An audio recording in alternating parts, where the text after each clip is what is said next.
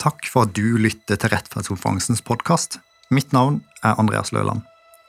Dette er podkasten der vi utforsker hva det vil si å bekjempe urettferdighet her hjemme i Norge og i verden. Rettferdskonferansen er en del av en internasjonal bevegelse av kristne som sammen søker hva det vil si å leve liv der vi tjener vår neste ved å søke rettferdighet i alt vi gjør. I hver episode tar vi en prat med noen av de som deltar i bevegelsen, i tillegg til at vi sammen hører på et innlegg fra minikonferansen som fant sted den 13. oktober 2020. I denne episoden møter vi Berit Hagen Agøy, som er generalsekretær i Mellomkirkelig råd. Et råd som samordner og fremmer kontakten mellom Den norske kirke og utenlandske kirke, og ivaretar forbindelsen med internasjonale kirkelige eh, organisasjoner. I samtalen vår skal vi fokusere på Den norske kirkes internasjonale engasjement og hvordan diakoni ser ut nå etter at koronasmitten har spredt seg over hele verden. Som alle de andre intervjuene vi har i podkasten, så er det her en liten smakebit eh, på de samtalene som vi kan og bør ha om urettferdigheten som omgir oss. Vi håper den inspirerer deg til å fortsette samtalen der du er, og tilegne deg den informasjonen du trenger for effektiv kamp mot urettferdighet. Velkommen til Rettferdskonferansens eh, podkast, Berit Hagen Agøy. Jo, veldig hyggelig å være her. Før vi gjenger løs på hovedtemaet, så er jeg litt nysgjerrig på Mellomkirkelig råd. Eh, kan du fortelle litt om hvem dere er, og hva dere gjør? Dere er jo kanskje ofte ansiktet til Den norske kirke, men eh, rådets egen rolle havner litt i bakgrunnen? Ja. Nei, Mellomkirkelig ble til på 1950-tallet, da Den norske kirke meldte seg inn i Kirkenes verdensråd og Luthersk verdensforbund. Og, og, fremdeles er vår hovedoppgave å ivareta Den norske kirkes medlemskap i økumenske organisasjoner. Både Norges kristne råd her hjemme, men også de internasjonale organisasjonene. Og så jobber vi med interreligiøs eh, dialog, både her hjemme og ute. Vi jobber med fred og forsoning, menneskerettigheter, klima, kort sagt eh, globale saker på vegne av Den norske kirke. Og så jobber vi også mye i forhold til menighetene med å lage ressurser og oppfordre de til å engasjere seg i å si, se sammenhengen mellom det globale og det lokale. Mm. Og dere har valgt å være en aktiv aktør og er jo en viktig bidragsyter inn i rettferdskonferansen eh, og hva er det med denne bevegelsen som gjør at de ikke har lyst til å satse og bruke ressurser på den? Jeg tenker det er to ting. Det ene er jo det å jobbe for rettferdighet er jo noe av kirkens kjerneoppgave. Så vi får jo en fantastisk arena til å forkynne evangeliet om rettferdighet. Og samtidig så er det en utrolig flott anledning til å vise at dette er noe kirkene står sammen om, vi får jo masse kontakter, masse godt samarbeid med andre kirker i, her i Norge og organisasjoner. Og ikke minst så blir vi jo sjøl veldig inspirert til å se hvordan eh, andre kirker jobber med akkurat det samme som oss. Mm. Det er jeg jo for så vidt ikke forberedt deg på, men jeg, ble litt inspirert nå. Har du en, eh, en spesiell liksom, historie eller eh, opplevelse av nettopp det, og det er liksom mm. den der eh, møteplasseffekten av rettferdskonferansen. Ja. Jeg husker her, det var vel for et par år siden, hvor eh, vi hadde en fra pinsebevegelsen som sto på talerstolen på rettferdskonferansen og snakket om fred og rettferdighet, og så står Mellomkirkelig råd, Kirkens Nødhjelp og disse organisasjonene ved siden av, og så tenkte jeg så herlig, her snakker vi faktisk samme samme budskap, selv om vi har litt ulike uttrykk, så ble det en veldig sånn sterk påminning om at vi har ulike tradisjoner, men kjernebudskapet vårt er faktisk akkurat det samme. Mm, sant. Um, så litt mer eh, skal du si, det temaet som, eh, som står i tittelen på denne episoden. Her om dagen så hørte jeg på et intervju med en som heter David Kinnaman, som er forsker på ungdom, kristen tro, siden midt på 90-tallet, og hans seneste funn Eh, så virker det som at eh, i flere land så er det en voksende likegyldighet til hva kirka mener å gjøre, og en effekt av det er at eh, færre tror på Jesus. Han eh, sier også at de kirkene som evner å holde på folk, er de som tilbyr menighetene eller medlemmene en mulighet til å delta i rettferdsprosjektet, både nasjonalt og internasjonalt. Er det her altså, Dere jobber jo litt med diakoni, eh, og, og, og, tilbyr på den måten den, denne kanalen for folket. Og, og, når du ser på menighetene i Den norske kirke, er det noe forskjell på, på Hva er liksom effekten av å være aktive i rettferdsarbeid? Det er en interessant undersøkelse og et uh, vanskelig spørsmål. Jeg tror ikke det finnes noe entydig svar på det. Det vi jo ser, er at i mange menigheter så engasjerer folk seg f.eks. i arbeid med, med, å integrere flyktninger og asylsøkere. De engasjerer seg i en del sånne diakonale prosjekter. Uh, folk som ikke nødvendigvis er de som er liksom kjernen som går til gudstjeneste på søndager. Så, så, i den forstand så tror jeg vi når liksom breiere ut til medlemmene våre. Men samtidig så ser vi jo at de kirkene som vokser mest i verden, det er eh, karismatiske kirker, og en god del av de distanserer seg jo fra å delta i, i aktivt politisk arbeid. Så eh, det ville vært interessant å visst mer om denne undersøkelsen, for jeg tror egentlig at det er en, eh, en dobbelthet i det. Mm. At en del flykter fra, fra hverdagen inn i, i, litt mer sånn usunn karismatiske kirker, mens andre på en måte engasjeres. Og det er jo interessant å se for eksempel i Øst-Europa, hvor kirkene under kampen mot kommunismen på slutten der hadde en veldig oppslutning. Når jernteppet falt, så var det veldig mange som forlot kirkene. Så, så, det er klart at i krisetider, under apartheid for eksempel, så var det et voldsomt kirkelig engasjement, og så dabba det på en måte av når den seieren var vunnet. Så jeg, jeg, tror dette her eh, på en måte går litt sånn begge veier, og det er ikke, det er ikke noe klart svar på spørsmålet ditt, tror jeg. Nei, sant. Altså, i, i første episode eh, av denne podkasten prata jeg med Andreas Andersen fra Misjonsalliansen, og han snakka litt om, om, om, det, dette med uh, at det er en veldig naturlig konsekvens av troen å, å, å, gjøre noe for vår neste. Uh, og at det handler om, om troverdigheten. Og det er klart, I et sånn perspektiv så er det jo logisk iallfall at det, det å, det å vise det at foreldregenerasjonen i en kirke eller en menighet viser at det er, at det er en konsekvens ved troen. Jeg, jeg, velger å gjøre noe for min neste fordi jeg tror på Jesus. Det er jo en logisk konsekvens, i hvert fall. Mm. Ja, og det, det, er på en måte det typiske i store deler av verden, hvor jo kirka forbindes nettopp med, med skole, diakoni, eh, helseprosjekter, altså hvor det å være kirke er å være diakonal. Mm. Men, eh, men, i Norge så har vi på en måte glemt det litt. Fordi at vi Altså, kirkene var jo veldig viktige som, som medspillere i framvekst av velferdsstaten. Mens i dag så har på en måte kirken ikke den samme oppgaven, fordi vi har så god offentlig velferd. Så jeg tror, tror mange hos oss på en måte glemmer litt det, at en av kirkens kjerneoppgave i, i 2000 år nettopp har vært å være diakonal. Mm. Og, og, det gjøres jo mye godt diakonalt arbeid også i Norge, men, men, det er kanskje ikke så synlig. og Tvert imot så møter vi ofte kritikk hvis Kirken blir for politisk og blander seg for mye inn i samfunnsspørsmål. Mm. Så det er nok en del i, i vårt land som har en, en forestilling om at tro er noe veldig privat, det er noe som du kan utøve håper å si, mellom deg og Gud, men som ikke nødvendigvis du tar med deg ut i ditt samfunnsengasjement. Og Derfor er jo rettferdskonferansen så utrolig bra, for å minne om at, at dette engasjementet for, for, rettferdighet jo faktisk hører med til Kirkens kjerneoppgave. Mm. Eh, det diakonale arbeidet som vi snakker om nå, eh, det har jo eh, vært igjennom en, en, en, forandring på akkurat samme måte som resten av verden nå når korona har slått inn over oss. Hvilke endringer er det dere har sett både internasjonalt og her hjemme? Er det det samme type endringene i det diakonale arbeidet ute som hjemme, eller er det forskjellig? Nei, det er jo en stor forskjell, fordi eh, det vi hører fra våre søsterkirker nå, er jo at de legger jo om store deler av virksomheten sin til å drive akutt eh, helseforebyggende arbeid. Eh, også rett og slett sykehusarbeid, helsestasjoner, drive med, med smittevern, skaffe smittevernsutstyr. Og det er jo en helt annen situasjon, for, for, her hjemme så har vi jo myndighetene som tar seg av, av den type ting. Så, så, veldig mange kirker nå er midt oppe i, i, arbeidet med korona.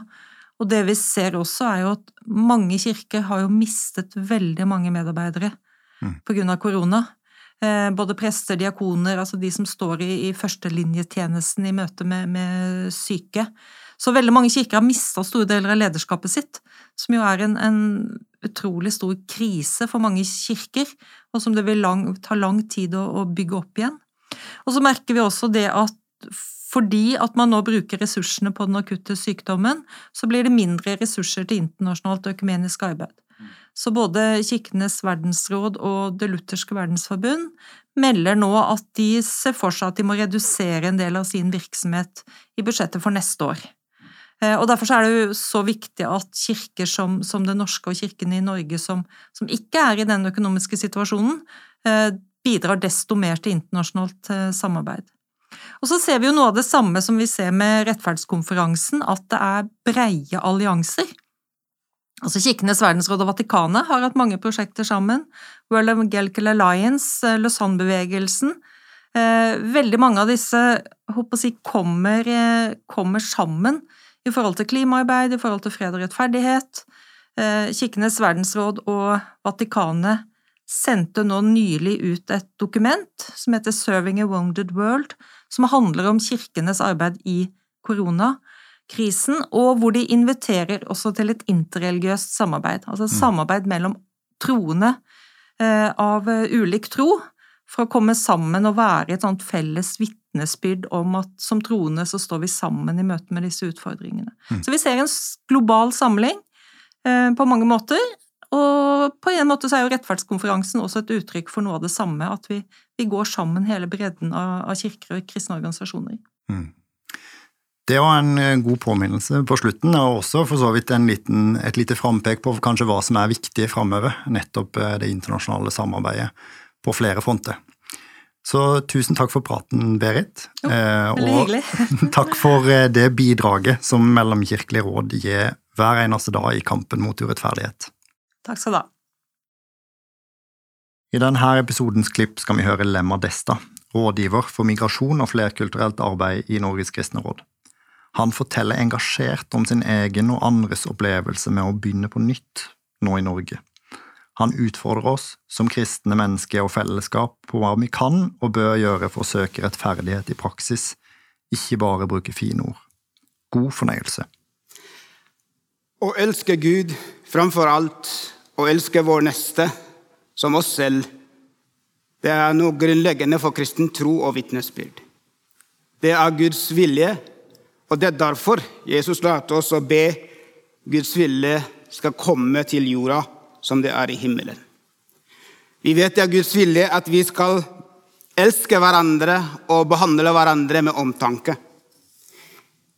Rettferdighet handler om å behandle våre medmennesker rett og riktig. Mange av verdens religioner, filosofier, støtter denne ideen. Det er Derfor har vi den gjensidighetsregelen. Det onde, det dårlige vi ikke ønsker at andre skal gjøre mot oss, det skal vi heller ikke gjøre mot dem. Men Jesus han oppfordrer oss til noe mer. Han oppfordrer oss til å gjøre det gode vi ønsker andre skal gjøre mot oss, at vi skal gjøre det mot andre. Vi lever i en tid hvor alle menneskers rettigheter og verdighet har fått en universell oppslutning. Det kjempes for menneskerettighetene i alle verdens land. Menneskeverd, retten til liv, frihet, sikkerhet. Fri fra slaveri, fri fra tortur, vilkårlig fengsling, likhet for loven, retten til privatliv, ekteskap og familie, retten til asyl og eiendom. Frihet for ytring, tanke og tro, retten til sosiale og økonomiske trygghet og retten til utdannelse. Så mye skal gjelde, ikke bare for noen, men for alle. Dette rettferdighetsfokuset i Kirke-Norge er kjærkomment. Men når vi inviteres til dette engasjementet, da spørsmålet ville være hvor skal vi starte? Jeg mener at et sted å starte med er å spørre om hvordan urettferdighet påvirker verden, og hvor den befinnes. Ofte sies at vi i Norge lever i et land et av verdens rikeste land. Det stemmer. og vi har stor materiell velstand. Men virkeligheten mange andre steder er annerledes. Vi vet verden er delt mellom få som eier så mye, og mange som har veldig lite. Ressurs, kunnskap, kapital og nettverk er ujevnt og urettferdig fordelt. Globalt sett sies det om at 1% av verdens rikeste eier 44% av verdens rikdom. Det er sjokkerende å høre om 26 personer, mest menn, eier like mye som verdens 3,6 milliarder fattige. Det er for meg urettferdighet. Med velstandsmakt skapes og skaffes mer makt og mulighet for mektige, mens millioner sulter og lever grunnleggende behov udekket. Ujevnt fordelt makt og grådighet forårsaker konflikter. Og det er det som tvinger mennesker på flukt. Flyktningkrise. Ofte, eller kanskje i disse dager, har du hørt om at den er over. Nei, tvert om. Den lever. Dagen i dag er det nærmest 80 millioner mennesker på, frukt, på flukt. Mange er nødt til å flykte for å overleve. Andre må reise med håp om å berge sitt liv og sørge for sine nærmeste. Om dette gjelder afrikanske ungdommer som prøver å komme over til Europa, hvor muligheten finnes, eller om de asiatiske og afrikanske hushjelperne eller byggearbeiderne som lever i slaveriet i Midtøsten, om det gjelder disse sørasiatiske kvinnene som tåler så mye. Vår tids migrasjon er et uttrykk for ulikhet og urettferdighet. Norske og europeiske politikerne ofte snakker om migrasjon som smugling eller om kriminalitet. Nei, det er ikke det. Det er mange årsaker som de snakker for lite om. Fattigdommen, konflikten, mangel på mulighetene. 17 år siden kom jeg til Norge fra Etiopia. Jeg ble ikke sjokkert over kulturforskjellene, men det er én ting som sjokkerte meg, og det fortsatt gjør i dag. Nemlig muligheten, kontrasten mellom Norge og Etiopia når det gjelder livsmuligheter. Ved å bli født i Norge er et barn født i, omringet av gode helsetjenester, mat å leve av, bosted å vokse i, muligheter for skolegang og profesjonell oppfølging i oppveksten. Fra barndom til ungdom og voksenlivet er samfunnet sammen med familien står bredt for å hjelpe til det gode livet. Jeg er så glad for det gode livet vi nyter og vi har. Det må vi være takknemlige for. Men vi må ikke glemme den kontrasten. Det normalen vi har, det som vi tar for gitt, er det ikke slik mange andre steder. Våre valgproblemer høres veldig luksusproblemer. Det står i skarp kontrast med verden i nød. Verden spør etter nok mat å spise, et trygt sted å bo. Basis, gjerne bedre helsehjelp. En mulighet å skaffe seg utdannelse, kunnskap, ferdigheter og nødvendige ressurser for å skaffe egen inntekt. Kampen om rettferdighet er et kamp for maktfordeling, for ressursfordeling, for kunnskapsfordeling. Slik at alle kan leve et godt liv. Vi som lever i verdens rikeste land med tilgang til ressurser, vi har ett valg. Enten vi er så grådige at vi vil ikke andre skal leve som vi gjør, eller vi skal jobbe for at alle skal få det, det så godt som vi har, som vi ofte også synger. Lav sosial, lav sosial mobilitet ut fra fattigdom til en bedre levekår, det er det som forklarer mye av konflikten i verden, mye av flukten i verden. I Norge i dag lever mennesker fra mange andre land. De har kommet hit for å finne trygghet. Jeg er glad og stolte for at Norge har gitt tryggheten for mange mennesker. Også skaper mulighet for mange mennesker. De menneskene har kommet uansett årsak. De har kommet hit. De har kommet, ikke tvil om, for å skaffe seg et godt liv som vi ønsker for oss selv. Det må ikke være et problem å søke velferd. Det er feil å undervurdere menneskets evne og lyst å skape bedre liv for seg selv. Med økende bevissthet om maktstrukturer som fremmer noen, men hindrer andre, mange marginaliserte individer og grupper roper etter rettferdighet.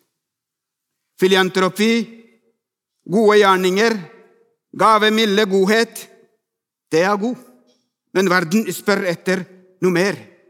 Spør etter solidaritet i kampen mot rettferdige maktstrukturer. I og under covid-19-pandemien verden har sett oppvåkning i kampen mot rasisme og diskriminering. Selv i Norge vi er blitt bevisste på og fikk høre om rystende, sanne historier om ubehagelige opplevelser og levde liv. Mange forteller sine historier og blir behandlet uverdig av deres hudfarge, navn, land- og kulturbakgrunn eller religiøs tilhørighet. Når ditt navn og ett navn blir et problem for å skaffe seg jobb og inntekt, da har vi noe å jobbe mot. Kampen mot rasisme, fremmedfrykt, islamfrykt, jødehat er en del av dagens rettferdighetskamp. Den fortsetter. Vi har en stor jobb å gjøre både å ransake våre egne hjerter og organisasjoner og strukturer, men også å lære våre barn å vokse med en omhyggelig sinn om verdenen rundt oss.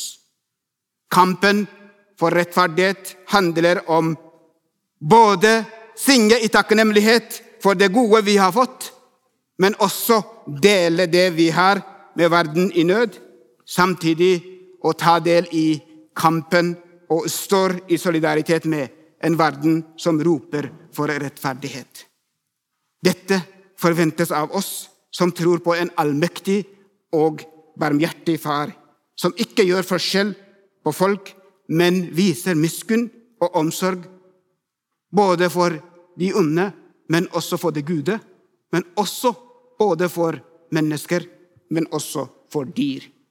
Gud inviterer oss til omvendelse, til ny start, til deltakelse i kampen mot en bedre og rettferdig fremtid. Velsignet arbeid i kampen for rettferdighet.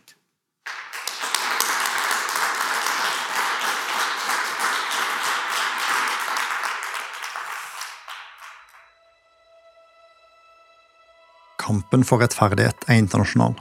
Det som skjer i andre land, angår oss. Fordi det er våre medmennesker. Ting vi gjør her i Norge, kan føre til endringer på andre sida av jordkloden, enten det handler om å kutte utslipp eller bekjempe menneskehandel. Koronapandemien viser hvordan vi er avhengig av hverandre som menneskehet. Det viser potensialet i samarbeid på tvers av land, i noe så konkret som utviklinga av vaksine, eller som Berit Hagen Age beskrev det, i diakonalt internasjonalt engasjement på tvers av grenser og forskjeller. Takk for at du har vært med på denne jakta på hva det vil si å bekjempe urettferdighet her hjemme og ute i verden. Denne sesongen av Rettferdskonferansens podkast er over, men det er ikke vår søken etter stadig mer effektive verktøy i kampen mot urettferdighet. Sjekk også gjerne ut rettferdskonferansen.no, og følg oss på Facebook for å se hva som skjer i jakta på rettferdighet. Vi har bl.a. et webinar den 17. november eh, om vårt forhold til hverandre, Eh, som vi er kalt for, eh, eller der vi stiller spørsmålet hvordan kan vi øke og styrke innvandrernes deltakelse i jobb og samfunnsliv. Bli gjerne med der. Takk for nå. Vi snakkes.